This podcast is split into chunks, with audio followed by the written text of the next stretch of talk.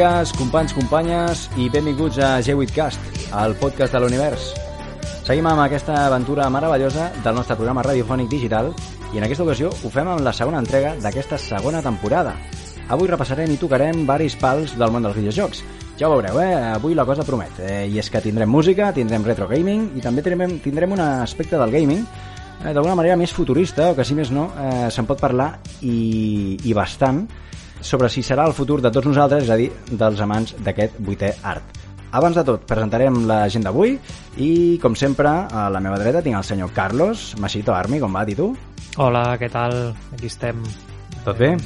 Buah, sí, sí, sí. Eh, una mica cansats, però bueno, a les hores en les que gravem això eh, és normal, és no? És el que toca. Però bueno, eh, content d'estar aquí tocant els temes que més ens agraden i a veure si li fotem canya com sempre. Meravellós, meravellós. Eh, a la meva esquerra tinc el Jordi, el Rockstar. Què tal, Ronin? Tot bé? Bé, bé, bé, bé. La veritat és que no havia preparat res, així que et diré que estic bé, que porto uns dies treballant força i, i tio, eh, que, que són unes hores intempestives, eh? Que jo demà em llevo a les 5, tio. Em llevo a les 5, joder. A les 5, tio? Hòstia, déu nhi déu Vale, eh, llavors estàs exculpat de tota, de tota, de tota falta, només faltaria. Eh, això, i ja per acabar, al meu davant tinc l'inconfusible Xavi, la DH. Què tal avui? Eh, vens carregat o no? A veure. Sí, sí, sí, avui a tope, a tope, tu. És dilluns, també, estic, estic cansat, també. Em, em sumo també a la, a la causa. Queixes, no? A les queixes, eh? A les queixes. queixes dels companys, eh? Ens fem això, grans. No, sí, sí, sí, això ho hem de, agafar, ho hem de gravar uns altres dies, però bueno, va, avui va com va. Va, com va, tu ho has dit. Bé, i després de les presentacions adients de cada programa, Jordi, digue'ns el menú que tindrem avui, va.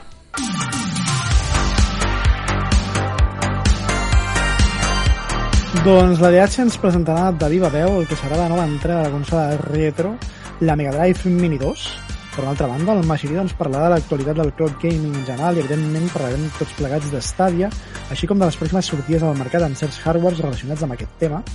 I al final del programa, jo mateix faré una exposició de la importància de la música i les bandes sonores als videojocs, on cadascú també repassarà i dirà la seva de quina i quines li han marcat més. Molt bé, Jordi, moltes gràcies. I va, com ha dit el meu company al principi del sumari, iniciem el podcast amb la pròxima entrega de les ja famoses reedicions de consoles retro, com és en aquest cas la Mega Drive Mini 2. Va, Xavi, canta, tot teu. Avui portem el llançament d'un pues, d'un nou dispositiu, perquè aquí a l'univers doncs, ja sabeu que ens agrada pues, analitzar i, i opinar de les novetats que van sortint, no? I les maquinoles, siguin- eh, també? Exacte, ja siguin maquinoles o coses que, amb més renom, no? En aquest cas, eh, doncs, com bé heu dit, portem eh, la Mega Drive eh, Mini 2.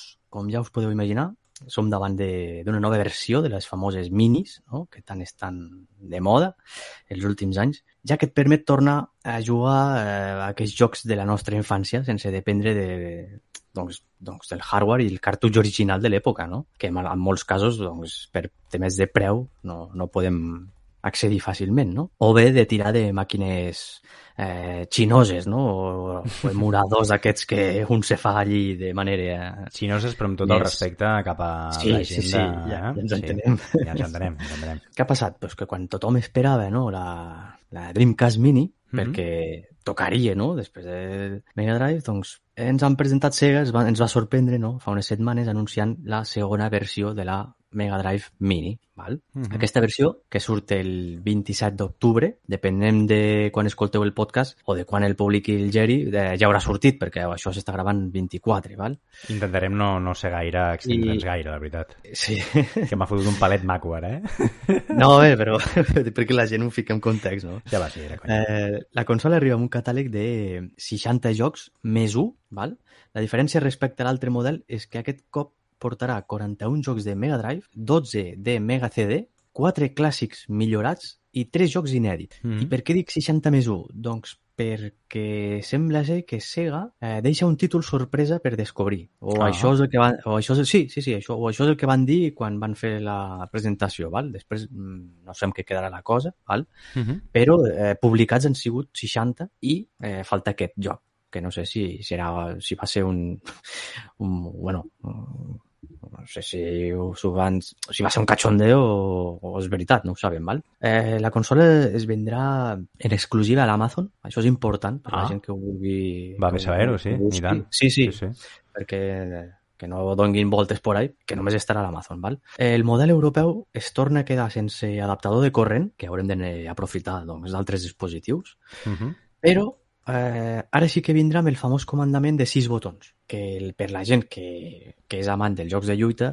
doncs és el comandament perfecte. No sé si recordeu el comandament aquest que va treure Mega Drive de sis botonets que estan tots eh, Mm. alineats, diguéssim, no Sí. està a dalt ni res. Mhm. Això va perfecte per jocs com Street Fighter. Eh, com en saps tu, eh? Tu ets amant dels Street Fighter o no, tio? Sí, sí, perquè, clar, la, meva- eh, jo vaig passar de les recreatives, diguéssim, a Ahà. tindre la, la Mega Drive de sis botons, amb el comandament de sis botons a casa. Llavors, jo això ho he buscut, després vaig a... Ah, a tindre el, el... Sí, tu, clar, tu, eh, tu ets molt Champions de, també. eres molt de, de recreatives, eh, tu també? Sí, sí, sí, hòstia, claro. Bé. Digo que jo ja, per edat... mm, Bueno, well, no sé, no, no, bé, bé, bé, jo. Jo era de ficar les 100 pessetes allí per fer la cua, saps? Allò, Clar, clar, els 20 duros allà, sí senyor. Clar, Tu que els eres- fiques allà dalt, saps? I Tu el eres segon, eh, els mal anomenats insert coin, eh? Sí, bueno, sí I que segur que et posaves allà els que jugaven a l'Street Fighter de deixa'm que te, aquest te'l passo jo si vols, no? Per, per, per robar-li una miqueta de, de temps Exacte. allà.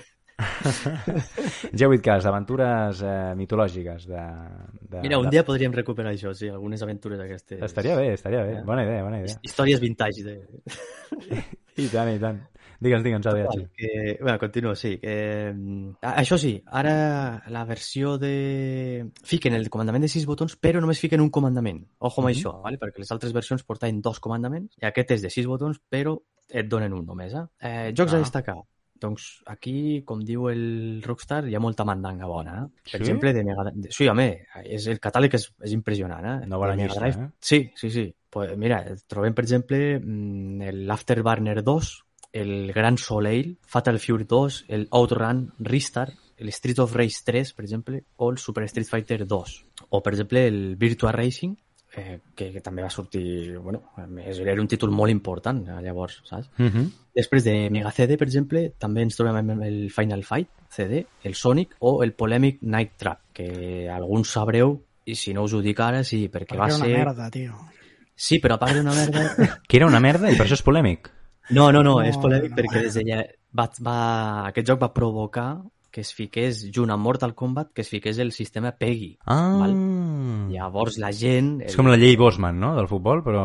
Exacte, tothom el coneix amb aquell tio, no perquè sigués molt bo, no? Correcte, vale, vale, vale. sinó per la llei que va provocar, no? Mhm. Doncs amb Night el mateix, eh? O sigui, va provocar que amb Mortal Kombat es fiqués el, el sistema PEGI i llavors la gent, pues, bueno, eh, li Hòstia. té record, no? Que guai. Bueno, que guai, vull dir que ja ho he pres i mola molt, la- l'efemèride. Sí, sí. Està guai, està guai. Gràcies. I res, i per acabar, dir que, que no és oficial, val, això, però segurament jocs com el Soleil eh, no vindran traduïts. Si més no, ho dic perquè la primera Mega Drive Mini van vindre tots en anglès, val? Uh -huh. Llavors, doncs, la gent, la gent que esperava jugar al Soleil, que és un, un jogàs, no? Eh, doncs bé, crec que s'haurà de fer en, en anglès, val? I, I parlant de preu, el preu sí que és veritat que és, una, és un pèl més elevat. Eh? La consola ara mateix, eh, bueno, ara mateix sortirà a uns 110 euros, val? Uh -huh. Eh, ja està. I dit això, eh, no sé, què us sembla? Si sou vosaltres de minis o us agrada, us agrada aquesta en concret? Mm -hmm. Això mateix eh, volia preguntar. Jo, de fet, eh, bé, a mi em van regalar la, la, la NES, vale? I, i la veritat és que l'he tocat bastant poc, però és tan cuca i tal, doncs que, bueno, la tinc aquí el típic, no?, a la meva vitrina de, de gaming. No sé, no he jugat gaire, però, no sé, jo, jo crec que sóc un altre, un altre target d'això de recuperar consoles retro, però crec que el Jordi eh, n'és més afí, no?, o què, o què Rockstar? Bueno, bueno, a veure... Ui, ui, aquest to, ui, aquest to. No, no, no, a veure... Jo crec que la gran majoria de, de gent que se la compra se la l'acaba posant pues, una mica com a l'estanteria i, i perquè queda maco, no? I mm. -hmm. tens una miniatura de la consola. No, i la és que és de molt maca. dir, Sí, sí. Pots fer un remember no? dels, dels jocs que, Clar, que hi ha. això, això està Ah, guai. Sí que és veritat, per exemple, que en aquesta Mega Drive Mini 2 venen molts títols que són d'aquests que se li diuen gemes ocultes, no? Mhm. Eh, com per exemple de la Mega CD et ve el, el mític Robo a l'Este, no? Que bueno, és un shoot 'em up d'aquests que són super famosos i que poc es coneixen, el Ranger X, per exemple, no? que és un, un joc arcade no? de- d'escroll lateral, que també és molt famós i que és dels creadors de, del Soleil, no? i venen jocs com Fantasy Star 2 i altres jocs que són com molt, molt famosos i que no, no tenen forat. I, I està guai, tio, està guai. El que passa és que el preu sí que és veritat que pica una mica. I quan tenen aquests preus, Mm? normalment l'hòstia és, és assegurada. No sé És si dura, no? recordeu, per exemple, pues ara mateix tinc en ment la mini de PlayStation, no? que també venia tot en anglès, en unes versions Sí. angleses, costava 80 euros, la van acabar rebaixant a 40, en llocs a 30 i pico. Eh, Neo Geo també va treure la seva mini, que estava per uns... Eh, crec que eren 130, 140 o alguna així, Mm -hmm. O inclús més, i l'han anat baixant, jo crec que va arribar als 80. Sí. I, Sí, sí, i, la, i la PC Engine també, no? Eh, bueno, doncs l'he passat una mica el mateix, no? Mm, Perquè això és Aleshores- l'altre, no? Vosaltres creieu eh, que són el que valen? Eh, o diferent... O, o l'altra cosa és... No? Mirar l'altre cantó de la moneda, que és com... Depèn com ho valoris tu, no? Depèn del target, no? Podria hi ha algú que l'espera amb candeletes i aleshores doncs, sí que tranquil·lament doncs, doncs pot arribar a pagar aqu- aquests preus, no? Però clar, realment ho valen per producció? Jo crec que per producció no, no ho valen. Però Home, per cost, vull A dir. veure, a veure, per exemple, a la, a la mini de Mega Drive mm, l'estava fent una marca, una, una empresa, Mm? que és la que va fer les antigues Mega Drive minis, entre cometes, que l'únic que tenien era la llicència. Mega Drive va veure el que s'estava fent, bueno, Sega va veure el que s'estava fent, no? va dir això fora, ja ho fem nosaltres, no? i es van posar de pet ells a fer-la. I la veritat és que va funcionar bastant bé. Va funcionar bastant bé, van fer un menú que fins i tot em sembla que uh, la música del menú la va fer... Ai, no em surt ara. Bueno, el creador de, de la banda sonora de, de State of Rage, saps? Mm -hmm. És a dir, un menú currat i tal, i bueno, i s'ho van, van currar bastant. Eh, clar, si li foten amor a això així a tot, pues, almenys està bé. Però si et fan una mini com la de Sony, pues, es nota que li falta una mica d'amor. Jo he de dir, particularment, que tinc la NES, la Super NES, les Game Watch de, del Zelda... Sí, és que tu tens de tot, eh, lladre? Sí, no, no. Però vull dir, entre tot això, Mm -hmm. Normalment estàs acostumat a veure que sempre et posen els mateixos jocs. És a dir, tu agafes la NES Mini i tens el Mario Bros, el Mario Bros 2, el Mario Ja. Bros 3. Ja. A la Super NES tens el Super Mario World, el no sé què, i totes les tones són els mateixos. I aquí, que trenca una mica i et posen jocs que no són tan coneguts, doncs és una bona manera de conèixer també jocs pues, per qui no sigui molt, molt manyà amb el, amb el tema dels emuladors, pues, aquí li pot molar. Mm -hmm. Parlant d'emuladors, eh, passem directament al Massi a veure què em pensa, que avui precisament eh, estem a dia, t'ho diré demà, dia 24 d'octubre, eh, doncs ha fet un directe per l'univers, per qui no ho sabeu, doncs ja últimament doncs, ja està fotent-li canya a Twitch, eh, sobre un emulador de la SNES també. Eh, per tant, passo directament a tu. Agafo la, la passada, l'assistència que m'ha fet el Jordi. Eh, què en penses sobre d'aquestes mm, reedicions de consoles retro? Massi? Bueno, eh, inicialment dir eh, que he fet el millor directe de 2022 eh, amb el Parodius. Bé. No, només aquesta puntualització. Eh? Bé. Algú ho tenia que dir. Ah. Claro, tu. O sigui, Recupereu-lo, si no, recupereu va, el va, directe, eh, eh, podeu fer-ho. Va, va, fora conya, fora conya. Eh, sí, bueno, m'ha fet gràcia, he fet un directillo de... Jo tinc un bon sistema d'emuladors guais a, a, a Windows i, Uh -huh. i bueno, eh, ja, ja aniré fent algun directillo, això ensenyant cosetes. Per altra banda, el que comentàvem, eh, jo penso que bueno, no sóc molt partidari de les reedicions aquestes, però bueno, de tota manera penso que la gent que li agrada col·leccionar aquest tipus... És, és merament col·leccionisme, més col·leccionista que funcional. Correcte. Perquè com a hardware, pff, bueno, el que s'ha comentat, no té res de l'altre món. Jo prefereixo jugar, tenir un, un bon emulador, tenir la meva col·lecció personalitzada de jocs i, i, i tenir-los a la mà i a l'abast i no haver d'estar amb una consoleta connectada amb HDMI, amb el mando per cable... Bueno, sí que hi ha amb Bluetooth, però no sé, no ho trobo massa... Jo sí tinc, prefereixo, i n'he tingut molts anys, la, me la vaig comprar a Japó, la, la Super Nintendo japonesa, la, la Famicom, i amb cartutxos originals. Això Ja sí no que la tens? compro. No, se'm va fer malbé. Ah. Eh, sí, això sí que m'agrada. O sigui, cartutxos, jocs originals, però bueno, clar, valen calés i depèn del joc. Pot arribar a ser molts, molts, molts calés. Bueno, per la gent així més casual que no es vulgui complicar, que no tingui PC i tal, i vulgui fer una partida del Mario Kart i es vulgui agafar una SNES Mini, bueno, jo penso que aquest és el target. Però, Mhm. bueno, si t'agrada realment lo retro, com a molt, com a molt, com a molt, el que deia Rockstar, per tenir a l'estanteria, fer maco, poca cosa més.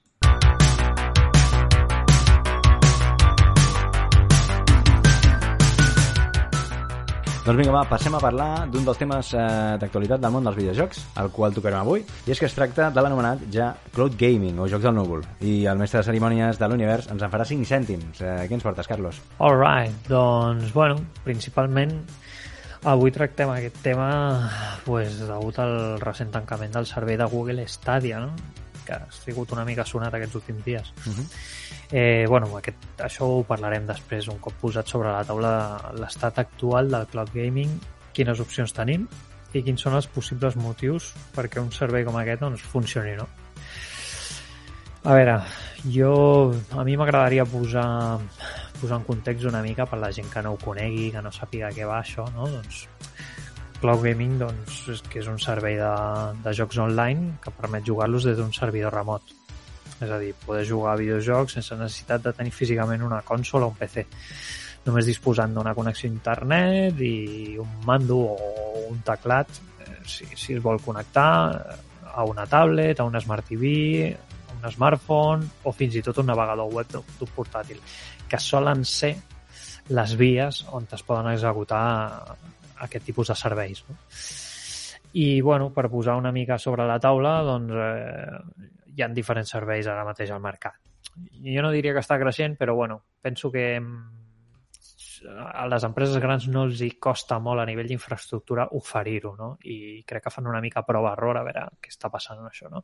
Però, bueno, anem, anem a tocar els que estan a, diguéssim, com a primera línia, no? A l'ordre del dia, no? Sí, exacte. Un d'ells seria l'NVIDIA GeForce Now, Uh -huh. que jo mateix l'he provat i haig de dir que de tots els que he provat és el que millor funciona. Eh, és el que més fidel és a l'experiència d'engegar de, una consola i jugar. I bueno, aquest doncs, ofereix diferents opcions, no? des, de, des de la gratuïta, que és 0 euros, Ah. eh, només donant-te d'alta, fins a la més top, que són 19,99 euros al mes. Vale? Que això ja estem parlant de que t'estan executant els jocs una RTX 3080. Ah. Vale? Eh, com dic, en funció de la potència que necessitis i les tecnologies associades, pues, pues va, hi ha un preu. No? Després hi ha una intermitja que crec que són 10 euros i, bueno, aquest, aquesta està bastant bé, però està limitada en el, nom, en el nombre d'hores de, de sessions, que, o sigui, el nombre d'hores que pots estar executant jocs. Uh -huh. Després, el bo de GeForce Now és que té aplicacions a PC, Mac, Android, Android TV i algunes Smart TV, vale? ja, ja tenen aplicació de GeForce Now. També ofereix la possibilitat d'executar-lo a qualsevol, bueno, qualsevol no, però alguns navegadors més coneguts com són el Google Chrome, el Safari o l'Edge de Microsoft. Cal tenir en compte que aquest servei el que fa és connectar-se a les botigues de jocs digitals de PC com Steam i Epic Games i oferir-te el catàleg de jocs que compris en aquestes plataformes. Eh? No té un catàleg propi, sinó que el que fa és, si tu tens compte a Steam o a Epic Games, Uh -huh. el que fa és oferir-te via cloud aquests jocs i te'ls executa. Vale. Vale? Jo posaria com a punt negatiu aquest servei per la meva experiència eh, que hi havia molts pocs jocs compatibles de la meva biblioteca de Steam. És a dir, jo tinc una biblioteca de Steam que actualment tindré a prop de, no sé, 60-70 jocs. Encara són pocs, que venim de tu, eh? Eh, sí, No? bueno, sí. Sí, sí, sí, digueu, digueu, lladre, sí, sí. Sí, Sí, ja et pot coneixem, ser, ja. pot Ja et ser, coneixo. ser. Doncs d'aquests 60-70 jocs, eh, potser eren compatibles amb el servei de GeForce Now uns 10 -huh. i la majoria eren de Valve, eh, o sigui, com el Portal o jocs així. Amb el que, bueno, jo penso que cal encara donar-li temps per adaptar més catàleg. Ho van fent amb molta freqüència perquè cada mes van integrant molts jocs i, bueno, penso que aquest pot ser un dels serveis més competitius. Eh, dels, ja ho dic, per la meva experiència de joc, eh, Mhm. amb zero, pràcticament zero lag, eh, ho vaig executar des d'un Linux i tot i, i ojo, eh, l'experiència va ser molt positiva. Bastant semblant, no? El que has dit, eh, el que és una d'engegar una consola i estar executant-la, no? Ah, exacte, exacte. Després, un dels altres serveis que també sembla que estan apuntant maneres, però que encara està en fase beta, cal Mhm. esmentar-ho això, és el de el l'xCloud, vale? que és el que ve inclòs al l'Xbox Game Pass Premium. Vale? Aquest servei el que fa és executar doncs, eh, la majoria, no tots, dels jocs disponibles al catàleg de Game Pass de manera similar al GeForce Now. Vale? És a dir, tu tens una aplicació disponible a Android o Smart TV Uh -huh. o des de qualsevol navegador web, eh, ja sigui PC, tablet, doncs, eh, també ho pots executar, et fas login i, i entres. Uh -huh. Aquest, doncs, jo també l'he provat eh, i la diferència GeForce Now és sobretot amb el tema del lag. Jo el que he trobat amb l'Xcloud és que hi ha bastant de lag. Com deia abans, és un servei encara en fase beta i estan fent proves. Uh -huh. Però he jugat a jocs d'acció i bueno, jocs tampoc que no requereixen massa gràfics i he trobat bastant en moments puntuals bu, bu, bu, bu, un lag que dius ui, ui, ui. Yeah. Que al final et fa que l'experiència no sigui del tot positiva. No, no, et fa tancar-ho i ja està.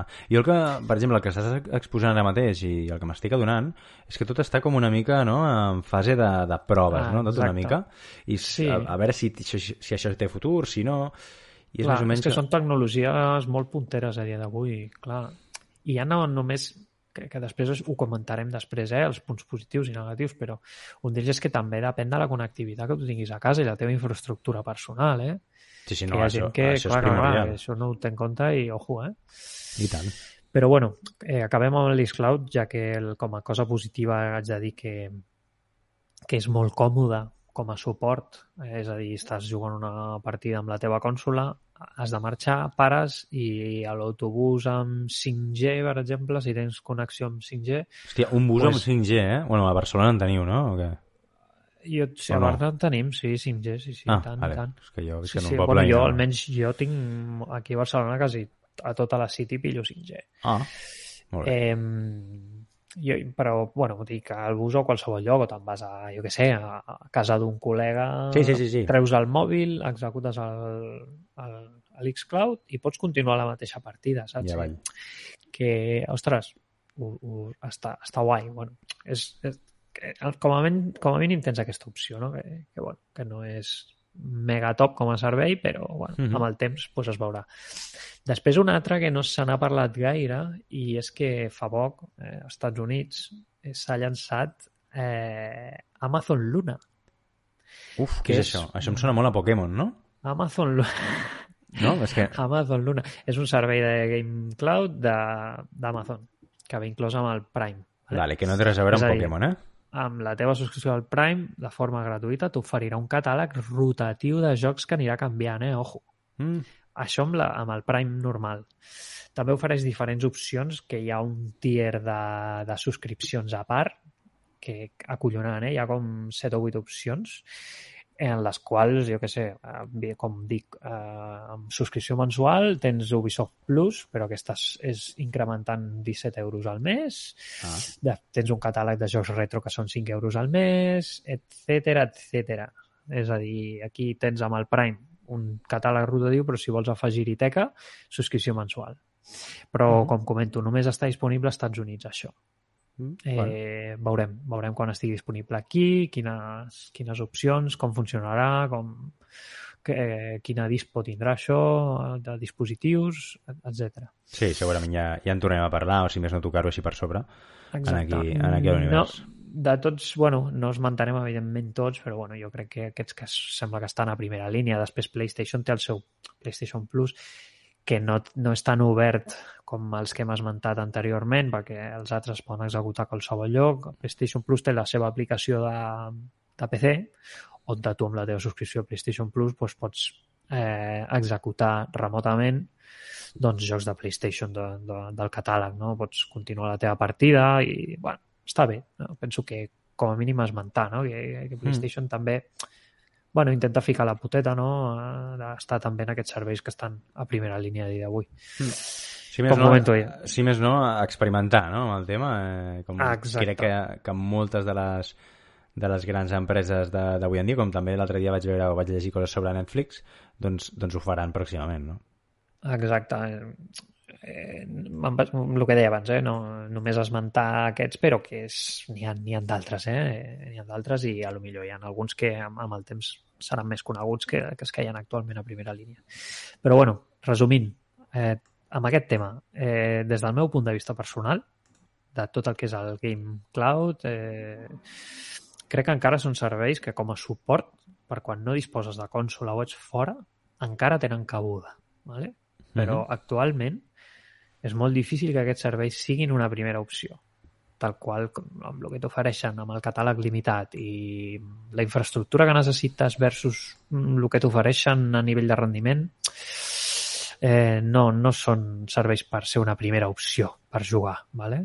I això No, no, precisament és el que pretenia fer Google Stadia, ser una primera opció. I penso que aquest ha sigut el fracàs de Google Stadia. La gent encara prefereix tenir un hardware propi, poder comprar jocs físics i evitar problemes de lag i altres relacionats amb la connectivitat, sobretot. Mm.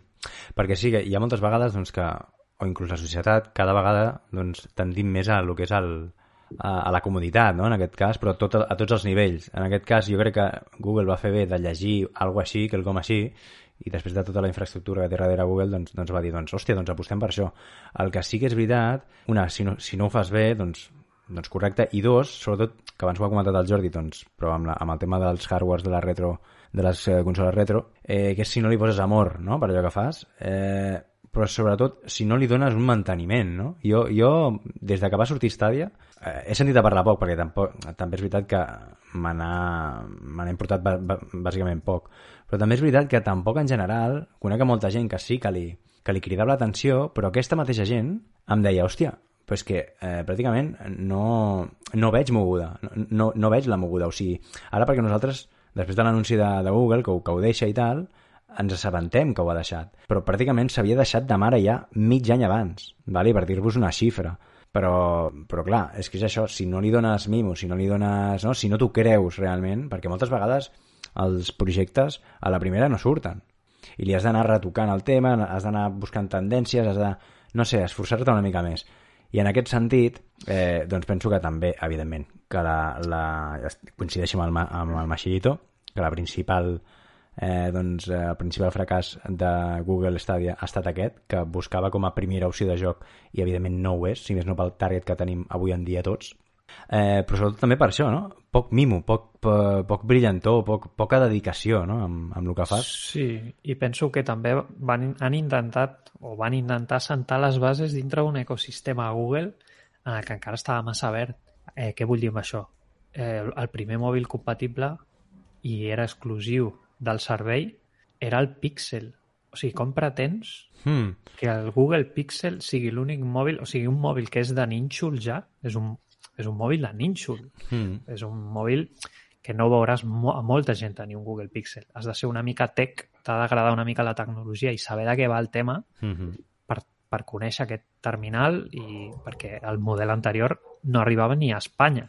Pues aquest va ser el primer mòbil que incorporava la, la possibilitat d'executar Stadia a mòbil com a exclusivitat que dius, ostres, eh, després no sé, sincerament, no, corregiu-me, no sé si es va obrir després i ho van fer perquè es pogués executar en altres dispositius, mòbils, a més Androids i tal, La però bueno, era, era el Google Chrome, no? o sigui, el Chrome, perdó, el Chrome, Chromecast, no? Havies de tenir a la tele per executar-ho, que era el que on te connectaves al mando, i el Google Pixel. Inicialment eren els dispositius que ho podien executar, a part del Chrome, evidentment, si no hi ha, nyec, però jo penso que les bases ja les van sentar en un ecosistema molt reduït. Sí, sí, eh, bueno, eh, més o menys el que anàvem dient abans, no? que és com... Eh, sí, al principi pot haver-hi no?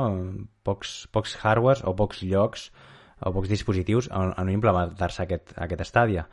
Però, cony, eh, busca la vida per, per, per gestionar més històries, no? Eh, Més llocs on es poder executar, més, més jocs, més catàleg, més publi, més... no sé. En fi, eh, la ens volia dir alguna cosa sobre el tema. Sí, no, no, volia apuntar un, un parell de coses, no? La primera és que lo de... que ha, sortit el tema de Amazon Luna, no? Uh -huh. I eh, tinc entès de que és per un pagament de canals, saps? És a dir, tu pagues una subscripció base, sí. diguéssim, Sí? I després sobre la base tu montes eh, els canals que tu vols accedir, saps? És a dir, tindràs, tindràs els jocs d'Amazon, però després dius, mira, també vull els de Ubi, no? Pues pagaràs el base més el canal de Ubi, saps? On tindràs els jocs que Ubisoft mm, pretén ficar allí. Però Saps el base és el Prime, eh? És Sí, sí, sí, sí. Prime. El- Vale, vale, vale. Exacte. Vale, vale. El base és, és diguéssim, és el d'Amazon, però després tu et, et subscrius, és un model de subscripció per canals, els canals que a tu t'interessin, no? Sí, sí, sí, EA, exacte. Ubi, Sí, sí, sí. i sobre el preu base tu vas sumant els canals, val? És una Vale, mica vale, farragós, sí, sí, sí, però... sí. sí, hi ha el retro que val 5 euros, a l'Ubisoft que val 17 exacte. amb algo i, i vas afegint el que vulguis. Sí, sí, exacte. Exacte. I sobre el tema de... A veure, que això de l'Amazon, sincerament, o sigui, ho poden fer les companyies que poden cremar diners. Sí. Com, com bé, com estàvem parlant ara del, de Stadia, no? Tornem al tema de Stadia. Tot això ho poden fer companyies que els hi sue tres cojones. És a dir, aquestes companyies s'ha fumat, doncs, vés a saber quants milions d'euros, de dòlars, vull dir, i, i ja explicaràs. Els, I, li, i els és dona igual. igual. Els és igual, exacte. Mira, ara mateix, mentre estava parlant el Maxi, jo he buscat a, a dia 24 no, els serveis que porta tancats Google, val? que es, es, es pot consultar en una web, val? i a dia d'avui porten 275 serveis tancats. És a dir, per a aquesta gent, tancar, Sí. tancar i obrir és com, bueno, pff, saps? Sí, sí. Vull dir, tant li, tant li fot. És com Si prova-error, però, tema però invertint Exacte. calés. Sí, sí, si li surt bé, perfecte, ha triomfat i guanyen, i si no, bueno. I Amazon no mateix, recordem el mòbil aquell que va intentar treure el Bezos, saps? va durar mig any, saps? Però bueno, en fi. I, i respecte a lo de l'Estadia, no estic del tot d'acord, és a dir, jo no puc dir res sobre si funcionava bé eh, o no, perquè, mira, eh, o sigui, això serà el futur, perquè no, no l'he provat i tampoc m'entusiasma el tema cloud, val? però sí que crec que va néixer mig mort, no? perquè més enllà del que ha dit el Maxi, de si volia que sigués una primera opció, eh, estic d'acord però a mitges, eh? perquè jo crec que el servei ja no era bo de per si. O sigui, el servei d'inici era, era dolent, el servei de subscripció no funcionava. Després, gent que l'ha tingut m'ha comentat de que eh, no hi havia promos, hi havia poquíssimes promos per als jocs, o que hi havia molts jocs que des que tenien anys, o sigui, anaven passant els anys i el preu era el mateix. O sigui, un, m'han ficat un exemple l'altre dia, que era el del Far Cry Primal, recordeu? Mhm. el, Sí, i el tant. del Far Cry que era del, de l'Oven de les Cavernes. El primitiu, sí, el primitiu. El primitiu, exacte. Uh -huh. Doncs tu el podies trobar a 2,99 o 3,99 amb algunes stores de pues, Microsoft o PlayStation i és que allí seguia a 19,99 o sigui i portava sí. sí, anys saps? Per És això dir, falta de mimo, falta de carinyo, no? Falta de carinyo. Exacte. mm, I després, per exemple, clar. detalls, eh, de, aquest detall és important, que és que volien treure el servei cap endavant, endavant vull dir, però resulta que al 2021 van tancar tots els estudis propis que tenien per donar exclusius a la plataforma. És a dir, quina senyal estàs donant tu aquí? Sí, sí.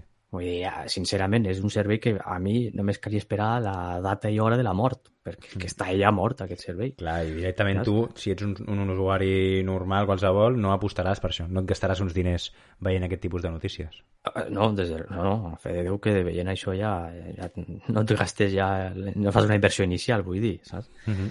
Eh, dit això, eh, recupero lo del Màgic que he dit abans. Sembla ser que la tecnologia la volen vendre i jo crec que en bones mans és el que penso que té potencial el dia de demà. Quan hi hagi Sí, eh? Tu penses, o sigui, definitivament, que, que, que això, perdona, eh? que això pot ser el futur, no? No, no, no, bueno, futur no. Jo no he dit de futur, però he dit que la tecnologia ben aplicada Ah, i, i amb, amb un accés més majoritari, no? un accés a internet amb més velocitat, Mm, que tothom sí. pugui accedir, eh, és una més a més, és una més a més. Val? Mhm. Sí, a, mi, a, mi, a mi no m'hi trobaràs, a mi, però reconec que hi ha molta gent que, que, pues, que bueno, li agrada jugar a la tablet, li agrada jugar al mòbil, eh, bueno, ja, que ja no m'hi fico, cadascú sí, de fet, que vulgui, no? de fet hi ha target d'això. Però Sí, sí, i molt gran, i molt gran, ojo. Eh, A saps? vegades, quan ens enfotem del Fortnite i ens enfotem dels Apex i tot això, doncs, bueno, mm, o el Call of Duty, no? Sí, no, doncs no, hi ha mou- menys gent. Hi ha gent. Pues és un 80% o, o més de, de, del target que, de videojugador, diguéssim, no? De fet, els, els raros I- dels exanys de, deurem ser nosaltres. Som nosaltres, eh? Realment som nosaltres, sí, sí, exacte. I per últim, eh, deixa'm dir que Stadia eh, tanca deixant a l'estacada molta gent del sector que es van assabentar del tancament eh, directament pel Twitter oficial. Això és Eh, veritat. parlem, sí, parlem de gent que, que, doncs que, a veure, que, que, que, que eren treballant en projectes d'estàdia i que, com sempre, doncs, mm, pagaran per les males decisions de- d'uns quants, no? Eh, coses positives, no?, per intentar trobar alguna cosa positiva, no? Eh, de cara als usuaris, han dit de que pensen tornar tots els diners que, han- que s'han gastat a la plataforma, sense Uf. límits, és a dir, tornaran la inversió inicial que vas fer amb el comandament més, més, bueno, més els jocs que tu hagis pogut comprar de la, de la teva biblioteca, t'ho tornaran tot, Hòstia. val? I eh, l'altra cosa positiva, entre cometes, eh, torno a repetir, que moltes companyies ja han anunciat que permetran poder passar les seves partides a altres plataformes. És a dir, que tu, Ah. ah. te, tu tenies Un els teus jocs, no? O d'aquests. sigui, Mm. Exacte, no? Tenies el, que, pues, jo què sé, el Cyberpunk, el- la- l'Assassin's Creed o el que sigui, doncs moltes companyies permetran que tu agafis allò i diguis, pues mira, fico a la consola o, el, com, o a el PC, diguéssim, i mm. puc continuar, Mm. perquè si no això és un, és un caos. Sí, sí. Sobretot aquest últim aspecte crec que és eh, molt notable, ja Bueno, que... he llegit que hi havia un jugador que perdia 6.000 hores del, del Red Dead eh, Redemption Online de Stadia. Correcte, correcte, sí. Ja, ja li han dit hores, que la podrà passar, eh? Sí, sí, a que Rockstar li ha dit que, bueno, eh, Bueno, a que algú, algú fet... farem, no? Algú farem, Sí. no, Joan? Ara faran un esforç, faran un Sí. esforç. Sí. Bueno, de fet, de fet l'online del Red Dead Redemption 2 diria, poder, ara estic eh, errat i la gent se'm tira de sobre, crec que ja no tindrà més manteniment. És a dir, estarà viu, però no ja tindrem no, no, no, o estarà viu perquè existirà, però no hi haurà més contingut addicional ni, ni històries. Molt bé, Rockstar, tu també tenies uh, alguna cosa a dir-nos, no? Bueno, no, no tinc massa cosa a dir en realitat. Um, fa pena, fa pena quan qualsevol companyia no, deixa de desenvolupar videojocs o desenvolupar hardware, no?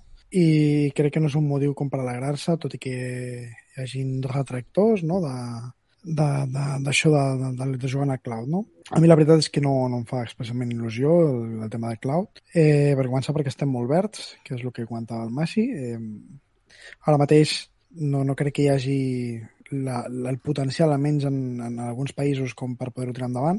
I segon, pues, perquè m'agrada el format físic, no? Soc massa romàntic i m'agrada el format físic. I, si, I tot i que, jo que sé, en alguns anys deixi de ser funcional, doncs m'agrada, no? I m'agrada tenir la meva còpia ja a la meva estanteria i, i poder-lo rejugar almenys fins un, un punt, no? Això per una banda. Per una altra banda, eh, bueno, pues, no tot, com diuen, de Stadia era dolent, conec gent que ha jugat i conec gent que, que, bueno, que ho ha gaudit, no? I, i pues, que és una putada. Això, que deia, per exemple, el Xavi, no? sobre el tema de, de que tornaran els calés i tal, és veritat que tornaran els calés menys de les subscripcions, és a dir, si tu estàs subscrit no et tornaran els calés, però el que sí que també fan és que et pots quedar el comandament, no? i pots connectar el comandament mitjançant cable i ja existeixen algun tipus de mod que pots jugar-lo amb, amb Bluetooth al, al propi PC. I bueno, no, no tinc molt més a dir, perquè la veritat és que no, no en domino massa i si algú no domina massa d'un tema, jo crec que és millor no, no fotre mà, així que per mi ja, ja queda tot dit. Sí, sí, està clar. Mira, eh, faig, un, eh, faig un retro remix, vale? del que estava dient sobre el tema del Red Dead Online, és que, mira, el dia 13 de juliol exactament va fer un any que no es va publicar cap mena de contingut addicional.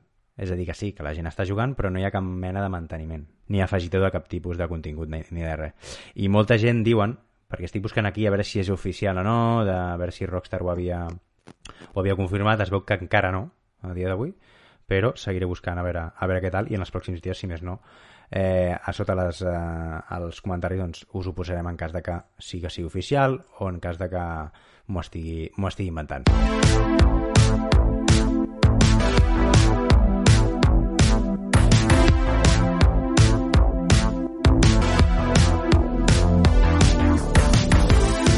Vale, doncs ens enfilem a la recta final del programa d'avui.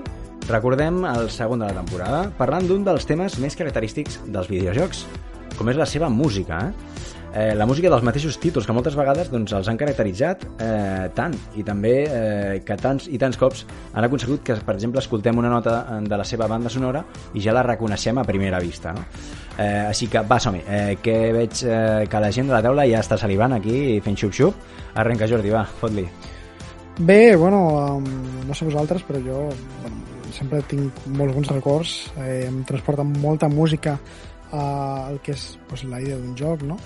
I, i recordo, recordo melodies no? que, que, que és el que dius tu, sona una nota i ja, ja te'n recordes, com el Sonic, el Mario, Uh -huh. els Zelda, i, i la veritat és que avui en dia també tenim molta sort perquè hi ha moltes empreses com Mondo, no? per exemple, que treuen vinils, vinils en un format molt, molt maco, molt apanyat, amb, amb com es diu, amb, amb, amb, bueno, amb, amb, amb artistes no? que, que hi participen fent les portades, els covers no? dels vinils, Uh -huh. i que són uns preus bastant arregladets per entre el que cap, no?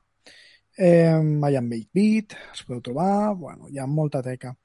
I jo porto molt de temps, molt de temps col·leccionant CDs de música, també vinils i també de bandes sonores. I Ah, tu jo també ets crec que era... vinilista. També ets vinilista, tu. Sí, sí, Hòstia. però no, no un nivell rotllo pues, com seríeu vosaltres, segurament, però sí que en tinc uns quants. Ah. Uns quants, té una col·lecció bastant apanyadeta i maca. Que guai. I, i això, no? I, i jo què sé, jo me'n recordo, pues, potser quan eres petit, no? No, no, no et ve tant al cap, no, no ho tens tan present, però sí que et queda, no?, a la retina i se't queda gravat. I quan comences a jugar alguna cosa que és com un projecte artístic més vast, com seria, per exemple, jo que sé, un JRPG o, un Bioshock, un shooter així com més... o algun joc més cinematogràfic, no? doncs veus la importància que tenen les bandes sonores en el món dels videojocs, no? El Mhm. món dels videojocs ja sabem que podria ser com un cinema, no?, amb el factor la interactivitat, i la veritat és que la banda sonora és un dels grans temes que ens aporten. I jo vull fer especial esmena amb la importància que té el propi estil musical dintre d'una sèrie, perquè jo tinc una espineta clavadeta Mhm. que és el Breath of the Wild, que jo crec que es va allunyar molt de l'estil de la música del propi Zelda i per mi va perdre molta força. És a dir, Zelda Mhm. Breath of the Wild és un projecte artístic superguai, però en el moment que la banda sonora es perd, també és com que es perd part de l'essència. Sí que hi havia Totalment un personatge que tocava l'acordió i tenia aquell rotllo nostàlgic que ens transportava pues, a melodies com, per exemple, el molí de, de l'Ocarina of Time, però sí que semblava que perdés alguna cosa. I bueno, no, no sé vosaltres què, què en penseu o si teniu alguna idea o alguna cosa en ment, però bueno, podeu dir la vostra. Jo ja et dic, jo personalment eh, crec que és el dels tres característics més importants de no només un videojoc, sinó de qualsevol obra, obra audiovisual, vale? I, i, i el que deies tu, per exemple, jo no he jugat al Breath of the, of the Wild, però si la banda sonora no aconsegueix transmetre aquelles sensacions que no només els fans, sinó, per exemple, jo no sóc gaire fan de Zelda, però si em posés a jugar a Zelda i escoltés aquella banda sonora, segurament m'agradaria, però també notaria un xic de, ostres, mm, li falta alguna no? Per exemple, sí que sóc molt fan de The Last of Us. I ara, per exemple, si canviant radicalment de, de, de tema audiovisual, eh? si, per exemple, a la sèrie no em posen una música semblant a la de Gustavo Santaolalla, doncs diré, ep, hòstia, no m'ho crec, no? Eh, o, o, si més no, que li falta potència, com, com diu el Rockstar, no? I en aquest cas, doncs, després diré les, les, o de les bandes sonores que no m'han marcat més, però que sí que he trobat, he trobat més completes a nivell de reconèixer una obra, no? Després, des, després les diré. Abans li donaré passe la passada al Machito Army. Digue'm. Rebut. Però ben controlat o no? Sí, sí, com Xavi l'altre dia. Uh, quina punxada, eh? La veu veure o no? Pam! Sí, sí. Uf, mare veu, mare veu. Bueno, eh, el que anàvem. Música. Jo, per mi, és el 50%. de- Correcte. d'un joc. O sigui, li passa exactament com al cinema. ¿vale? Uh -huh. un joc sense música seria com una pel·li sense música. I al final el que et transmet, el que et fa posar els pèls de punta, eh, el que et fa emocionar, és la música que acompanya aquella escena, ja sigui en un joc, ja sigui en una pel·lícula. Eh, penseu que en els jocs, de fet, està forma part del gameplay, la música. És a dir, tu saps que hi ha un moment crític quan està sonant Sí. la música que t'està ja indicant que algú està passant aquí, saps? Sí, sí. o la música pot ser la música d'un boss, d'un enemic, que són molt característiques en alguns jocs i quan arriba aquella música ja saps que et toca brincar. Eh, vamos, és que per mi és, és, és també en els jocs que són de, de pura immersió, com l'Inside, per exemple, que sempre el poso com a exemple perquè per Mm. mi és un dels jocs top quan estàs al submarí, sota l'aigua, Sí, la, el la pressió de, de, la pressió de l'atmosfera en aquell moment Mm. és espectacular.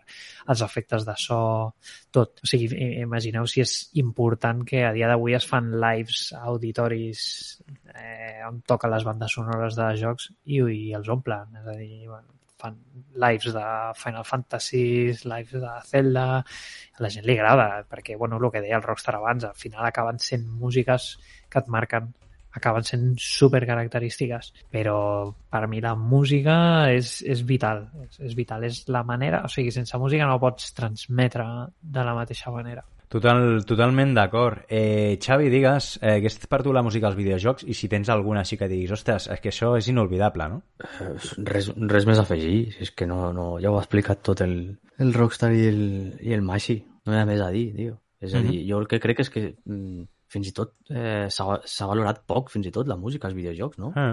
O em dóna aquesta sensació, és a dir, hi ha melodies que des de la Game Boy que ja són mítiques, tio. I, i o sigui, és a dir, que des del, des del naixement de les, de les consoles, com ell que diu, i no, i no crec que tingui aquesta valoració que se li hauria de, de donar, vaja. El doctor Mario, jo me'l foto a vegades està currant, eh? Només et dic això. Sí, sí, és que, bueno, és que si comencem a repassar, en fi... I que moltes d'aquestes bandes sonores a vegades s'han fet remixos d'altres temes, per exemple, eh, musicals eh, electrònics, no? Que dius, ostres, o agafo què d'això, o el, o el, o el beat d'aquí, no? Eh, no sé, vull dir que, que, que, que és sorprenent. Ara m'agradaria doncs, demanar-vos, eh, teniu bandes sonores així al cap que diguis, hòstia, aquestes m'han transmès, aquestes, o, o aquesta en concret m'ha dit, uah, tio, o sigui, Sí, sí, sí, sí. sí. les teniu, no? Vale, doncs comencem També. pel, comencem pel Rockstar, si us sembla. Eh, ara ell no en tindrà cap, perquè és sort, però bueno, no, no, que és broma. Eh, Rockstar, digues, eh, digue'ns així Mira, les, les bandes sonores la que tens així primera banda sonora que, que, em va, que em va arribar a la patata, tio, Sí? va ser del Final Fantasy VI de Nobuo Uematsu. Nobuo Oh. Uematsu és un és mag, és un mag, és el compositor de tota la saga Final Fantasy. Diria que va ser fins al 13 que va estar composant, al 15 ja va fer algun tema solt, però ja, ja ho ha deixat, i ara actualment està fent algun concert, però s'està retirant una mica perquè, bueno, per problemes de salut i perquè s'ha fet una persona gran, i Mhm. doncs vol estar una mica allunyat d'aquí. I també vull fer esmena, que això segurament li molarà a tu i al, i al Mashi, de Yuzo Koshiro, que és el que em deia i no em sortia, de Street of Rage, que fins i tot van ser convidats al Sonar fa uns anys. Ah, que guai, tio. I, I sí, sí. I, i, Però fer algun live o alguna cosa així. Sí, sí, sí, sí, va estar punxant en directe i posant temes dels videojocs i tal. Sí, sí. Que guai. curiós, tio. Que guai, que guai, que guai. Vale, eh, Machirito, digue'ns. Bueno, jo tinc moltes, sobretot de l'època de Super Nintendo, molt marcades, però probablement la que més és, a, és Zelda. Perquè Sí, no? Zelda jo crec que va ser una precursora de, de composició molt elaborada a nivell musical Uh -huh. junt amb, amb, amb, amb, amb Square, vale? perquè van fer també els Final Fantasy. Sí, Final els- Fantasy està, està en màquina, eh? no, només... Ojo, eh? Uh -huh. Puntual, la dada, eh? La dada i la Em, dita. Eh, però sí, altres del Mario. El Mario també tinc molt bon record de moltes melodies molt mítiques. El Mario està el Mario de la Game Boy, el Mario Land. Té de brutals, però d'aquelles que se't fiquen al cap i passen els anys i te'n recordes. I, i Mm. de fet, jo hi ha jocs com, per exemple, avui el Parodius. Mm. M'agrada jugar-los per la música que sento quan els jugo, perquè em teletransporten en aquell moment en el que jo jugava tantes tardes a aquest joc. Exacte. Però així com a top, eh, jo penso que de les que més i que han sapigut mantenir-la i cultivar-la i, i donar-li molta frescor a dia d'avui és Zelda, eh? perquè, perquè avui en dia sents, bueno, i, quan, i si escoltes els lives són, són brutals, eh? Mm. Tocats amb anar, una eh? orquestra, Jo hi vaig que anar és, és pell de gallina, allò és pell de gallina. Ah, sí? Vas anar a Rockstar? A quin Sí, live? sí, sí, sí. Del, del Zelda. Del Però que es va fer aquí a Zelda. Barna o alguna cosa? El primer que van fer a Barcelona, que el van fer a l'Auditori, doncs hi vaig anar. I ara volia anar al de Distant Worlds del Final Fantasy, a veure si puc anar... Sembla que és al gener, febrer. Sí, sí. Eh, bueno, jo de Final Fantasy, jo recordo que n'he jugat dos només, el 7 i el 9, em van encantar, i, i una de les seves principals eh, enamoramentes que vaig agafar va ser, va ser la, precisament la banda sonora, no? Eh, aquella sensació d'immersió, també, no sé si ho deia abans, però que no només és, és la bellesa en si i tal, que, que, és, que és una qualitat eh, absoluta, sinó també la, la capacitat d'im- d'immersió que et posa dins la història, no? de fantasia, aquelles notes que, que se't posen fins i tot la pell de gallina, no? I això, i això és molt important. A DH, quines, quines triaries tu? Alguna així en concret, puntual, que diries, hòstia, vale, però em quedo amb aquesta, no? Hòstia, hi ha moltes, tio. Mira, eh, mira, mira, la que he dit abans, no? El Tetris, tio. Hòstia, Tetris és- unes melodies, tio, boníssimes, no? Però no cal anar tan en, lluny, no? Pues, eh, més recent, per exemple, Max Payne 3, Mm. no, sé- no sé si heu jugat, però... Sí. Hòstia, aquesta, la tralla que fot així, rotllo tecno, una mica Sí. electrònic, que se te'n va la olla i tal, és, és boníssim, te fica molt al, al joc, no? eh, les de Metal Gear, Metal Gear Solid, per Sí. exemple, la 1, i- sobretot 1 i 2, jo destaco, és, bueno, en fi, és que és brutal, no? Amb dos notes ja saps, que, ja saps quin Sí, joc és, ja o dius, ja saps el moment exacte, no? Mhm. Vull dir, això és un clave. I més recentment, per exemple, eh, la de Nier, Nier Automata, Sí, Mhm. brutal. És, és fantàstic i Narita Boy a mi em va agradar moltíssim. Sí, també. la Que música, bona. la música em va encantar, tio. Brutal. Però I- si m'he de quedar amb una... No, ja sé que no és melodia, ja sé que no són cançons, perquè són molt curtes i tal, Mhm. però a mi m'agraden molt les obres de Yoko Shimomura i en concret la de Street Fighter 2, tio. Sí. Oh, O sigui, a mi, des, del, Uah. des de que surt lo de Capcom, a la selecció de personatges... I la del cada- Ken, tio, la del Exacte. Ken, tio. Buah. Però ja no és la del Ken, sinó que cada personatge té la seva musiqueta molt definida, i, però que t'explica el personatge només amb la música. Mm, Molt ben Des de- dissenyada. Exacte, des de la lentitud amb el Zangief, Mm. no, al Blanca, aquella, més, el ritme més, més ràpid, vull dir, és, és al·lucinant. I quan, quan les escoltes, no? O sigui, t'imagines a la a l'exactitud el personatge. Exacte, exacte, t'explica el personatge a través de la música, és, És brutal. brutal, és brutal. Sí, sí. Doncs jo d'aquestes així més, més, eh, més novedoses, més, de títols més, més darrers, no? La que no em va marcar, però sí que dius, hòstia, perquè jo el que penso és que hi ha bandes sonores doncs, molt bones, no? No només en els, en els videojocs, sinó, sinó també en el cine, no? Però poques bandes sonores, eh, el que parlàvem una mica aquí a taula, no? Que és com reconeixes a la perfecció o et teletransportes, que és un dels termes que ha fet servir el, el Machirito i, i m'encanta, eh, en, en aquella època que l'estaves tu jugant, no? I un d'aquests així m'han vingut a la memòria, ara ho estava així preparant just abans de, de gravar el, el podcast, és Assassin's Creed Origins, vale? em direu, hòstia, eh, un Assassin's Creed al... Ep, doncs la veritat és que sí, o sigui, només escoltar la, la banda sonora, el PNNN... Bueno, és igual. I és que directament em, em poso al desert, tio, o dins les piràmides, és, és brutal. Eh, a part, tinc aquí la, la banda sonora, i és, i és brutal, evidentment també la de Last of Us amb el senyor Gustavo Santaolalla que ja l'hem tocat abans amb, amb algun, en algun moment i The Last Guardian també que té notetes molt que dius, ep, saps? molt, molt mm. maques que també són molt característiques eh, eh, i això, alguna, alguna cosa més a dir, nois? Home, jo, jo vull fer esmena amb la de l'Ori, tio. Foli, Home, foli, hòstia, ben bona sí. també La de l'Ori sí, sí. és brutal, o sigui, Boníssim. el, el moment en el qual pugen l'arbre Mm. és brutal. Sí. Aquest frenesí que hi ha A mentre l'1 al està 2, pujant... a l'Ori a l'1 al 2 A l'1, a l'1, perdona. a l'1, a l'1, a l'1. Vale, vale, vale, vale. Pues sí, sí, sí, en el moment que estàs pujant l'arbre eh, és brutal. De fet, la tinc, la banda sonora en vinil, i està feta per una il·lustradora que es diu Aya Kakeda, que la podeu seguir, que és molt xulo el que fa. Mm -hmm. I, i guai, guai, tio, de veritat. Una, una banda sonora és un joc que en principi és indie, no? Va posar la pasta a Microsoft amb un Studios, però joder, tu, eh? Està... És un canyer en branca, tio. molta, molta canela, no? Ja que ha dit l'Ori, deixem destacar el meu estimat Hollow Knight. Ah, ostres, sí, tio. Que- és que, que a això, mi, això, pues- és, això és brutal, eh? A mi, què vols que te diga, però... És brutal. Ah, és, brutal, és brutal. Eh, Ja et dic, el Hollow Knight jo li vaig jugar, vaig jugar unes 16 hores o així. Ho vaig deixar perquè per la meva salut, directament. Eh, una altra cosa és que no em sembla... Sí, un clàssic. Eh, una altra cosa és que no em sembli un joc meravellós, eh? Vull dir que això també m'ho sembla però no, no és per mi, perquè acabaria amb mi, amb, la, eh, vull dir, amb el meu matrimoni, acabaria amb tot. Eh, amb la meva vida, amb la meva tele, amb el meu mando, tot. Però, hòstia, és, eh, és brutal. O sigui, quan escoltes les, les notes, aquelles, és que exactament estàs a dins de... Com es diu, Xavi, tu, tu que ets un, un, uh, un fan de, de la saga, com es diu aquella, aquella ciutat a sota? Hòsties, eh... Ara t'he fotut aquí, eh? T'he fotut, Hollow eh? Ah, m'has no? fotut. Ah, Hollowness, Hollowness. correcte, Hollowness, gràcies Xavi ai, eh, Jordi eh, doncs això, em sembla dels i, és que, i a sobre me'l- crec que l'havia pensat el dia que vaig fer el guió però no, no m'ha sort que l'he tret al Xavi perquè si no, no l'hagués dit eh?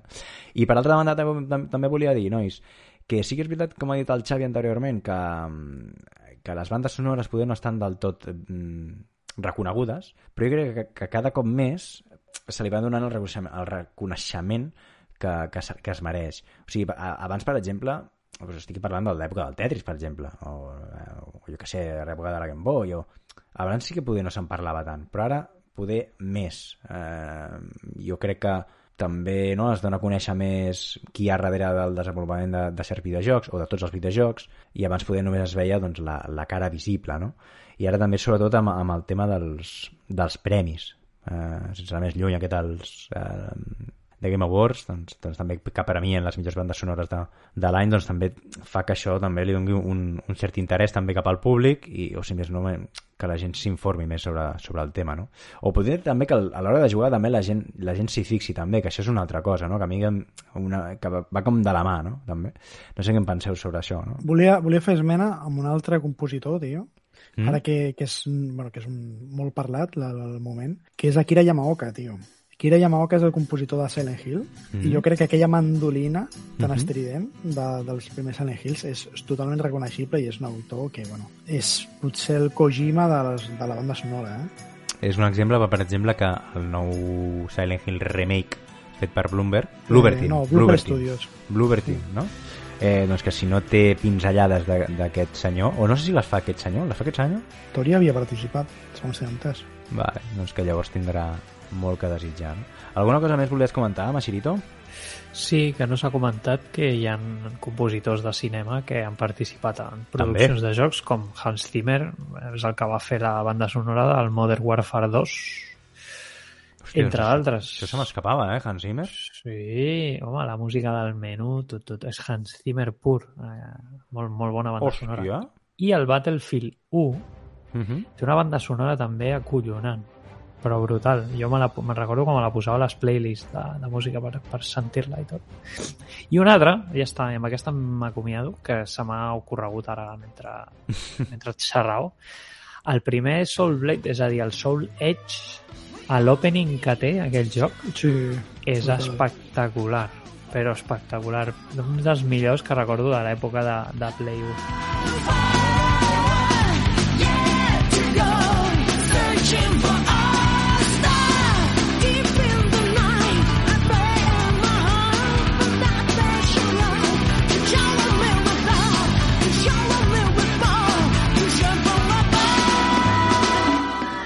Doncs perfecte, nosaltres ho anirem deixant aquí.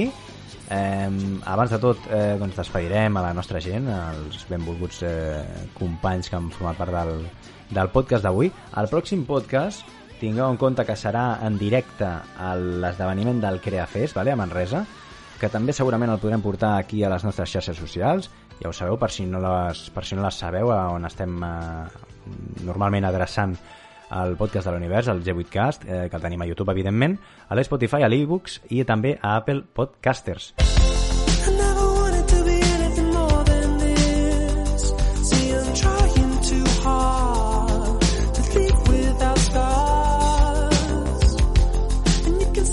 Machirito, eh, moltes gràcies per, per venir com sempre, tio. A vosaltres, un plaer. Rockstar, guapo, eh, merci també. No, a vosaltres. T'has fet bé avui o no? Sí, sí, sí. sí. Sí, et veig aquí una estic, mica... estic amb, un, amb, una, amb un peu ja quasi al llit, però, però sí, sí. Però quasi, quasi, eh? Vale, vale, vale. Eh, I Xavi, igualment, guapo, moltes gràcies per, per estar per aquí i dotar-nos de la teva sabidoria, com sempre. Home, gràcies a tu, tio. Ha quedat bé, no, avui? Compactadet, no, avui? Ha quedat finet, no? Què, què en penseu, ah, sí? Bueno, jo crec que sí, no? Ha anat rodat. Anat rodat. La gent dirà, tu la gent dirà.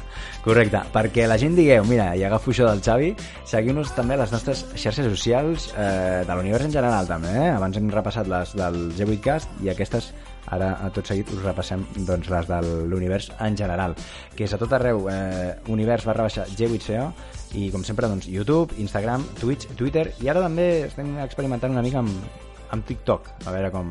Oh, a veure, tu. Sí, el, TikToker, sí. el TikToker Jerry, tu. Sí, bueno, bueno, Jerry, Jerry més gent, eh? Ja, ja ho veureu, ja ho veureu, perquè no només surto jo, lladres. En fi, moltes gràcies, eh, gent i gent que ens escolteu, i un altre cop doncs, agrair-vos la, la vostra confiança perquè sense vosaltres no seria possible aquest, aquest projecte, eh, el G8cast. Així que res, que vagi molt i molt bé. A reveure, xau, xau. myself.